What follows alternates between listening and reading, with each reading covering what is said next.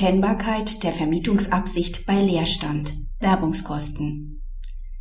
Wenn ein Eigentümer seine bisher selbst genutzte Immobilie vermieten will, muss solcher Wille nach außen hin objektiv erkennbar zutage treten, will er Werbungskosten geltend machen können.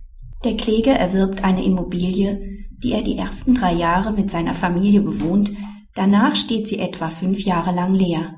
Während dieser Zeit laufen Verkaufsbemühungen, anschließend wird sie vermietet. Nunmehr will der Kläger Werbungskosten für den Zeitraum ab Beginn des Leerstands geltend machen. Das Finanzamt ist not amused, weil eine Vermietungsabsicht in dieser Zeit nicht erkennbar sei. Von dem BFH wird diese Ansicht bestätigt. Werbungskosten sind Aufwendungen zur Sicherung von Einnahmen.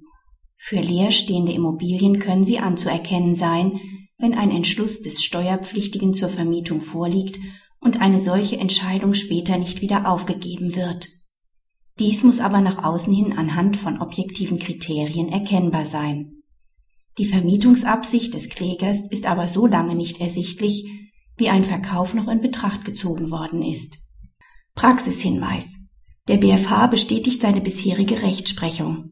Der Nachweis der Vermietungsabsicht wird nur gelingen, wenn der Steuerpflichtige die Wohnung auf dem Markt auch für diese Zwecke anbietet.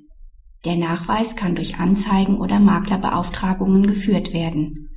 Die im Übrigen eventuell gegebene Verkaufsabsicht dient jedenfalls nicht der Einnahmenerzielung und kann daher nicht zur Geltendmachung von Werbungskosten berechtigen.